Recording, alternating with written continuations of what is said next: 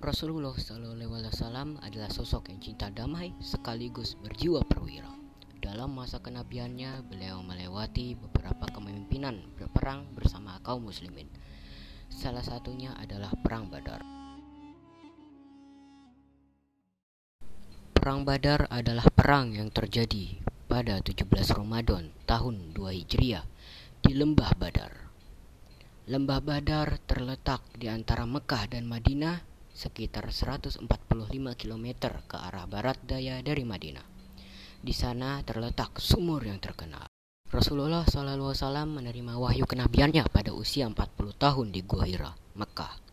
Sejak itulah beliau memulai dakwah Islam secara sembunyi maupun terang-terangan, menerangkan bahwa hanya satu Tuhan yang patut disembah, serta menyampaikan nilai-nilai Islam dari Allah Subhanahu wa Ta'ala. Hal ini mendapat pertentangan dari kafir Quraisy serta gangguan yang hebat.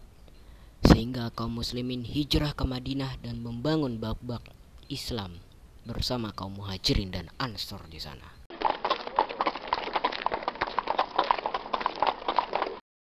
Namun kaum Quraisy yang terus-menerus menebar ancaman kepada kaum muslimin, bahkan ketika kaum muslimin sudah hijrah ke Madinah, inilah salah satu sebab terjadinya.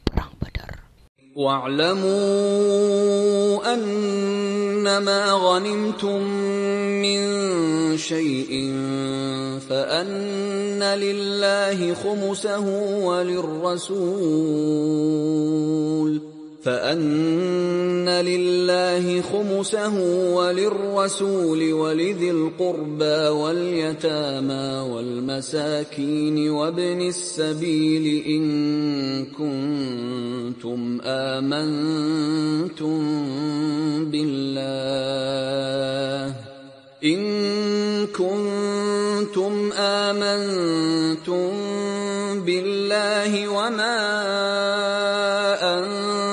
أنزلنا على عبدنا يوم الفرقان يوم التقى الجمعان والله على كل شيء قدير Dan ketahuilah, sesungguhnya segala yang kamu peroleh sebagai rampasan perang, maka seperlima untuk Allah, Rasul, kerabat Rasul, anak yatim, orang miskin, dan ibnu sabil. Demikian jika kamu beriman kepada Allah dan kepada apa yang kami turunkan kepada hamba kami Muhammad di hari Furqan, yaitu pada hari bertemunya dua pasukan. Allah Maha Kuasa atas segala sesuatu. Pada awalnya, Rasulullah SAW hanya berniat untuk melakukan penyergapan terhadap kafilah dagang Quraisy, bukan peperangan. Namun kemudian hal itu tidak terjadi dan Allah Subhanahu wa taala menakdirkan terjadinya perang Badar dipimpin langsung oleh Rasulullah SAW.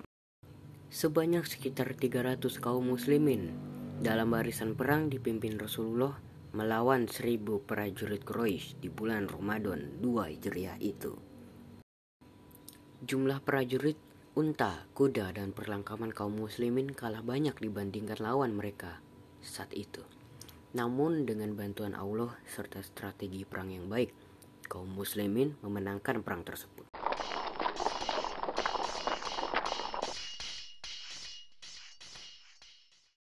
Rasulullah dan kaum muslimin memutuskan agar membangun markas terlebih dahulu di dekat sumber-sumber air di Badar dan menutup sisanya. Dengan demikian, sumur-sumur di Badar dalam penguasaan kaum muslimin. Kaum muslimin juga mendapatkan posisi lawan agar menghadap ke timur ke arah teriknya matahari saat terjadinya perang. Hal itu tentunya melemahkan kondisi lawan. Dengan bantuan Allah Subhanahu wa taala, prajurit muslim merapatkan barisan dan mengikuti perintah secara serempak. Mereka berada dalam komando yang baik saat perang. Disebutkan dalam sebuah riwayat bahwa Rasulullah pada saat itu berkata, Wahai Abu Bakar, sampaikan kabar gembira ini bahwa pertolongan Allah telah tiba. Ini Jibril sedang memegang tali kakang kuda yang ditungganginya, berada di antara debu-debu.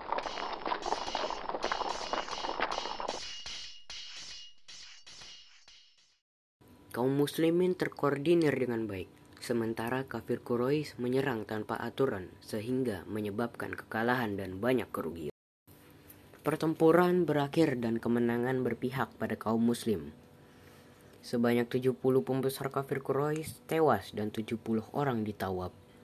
Sementara pihak muslim gugur sebanyak enam orang muhajirin dan delapan orang ansor.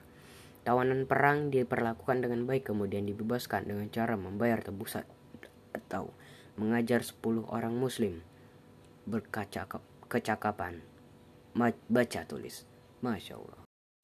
Kisah ini memberikan hikmah yang luar biasa pada kaum muslimin. Perang pada bulan Ramadan yang di dalamnya terdapat pertolongan nyata dari Allah dan contoh keperwiraan sekaligus kesabaran Rasulullah SAW menghadapi pihak-pihak yang memerangi Islam. Wallahu a'lam bishawab.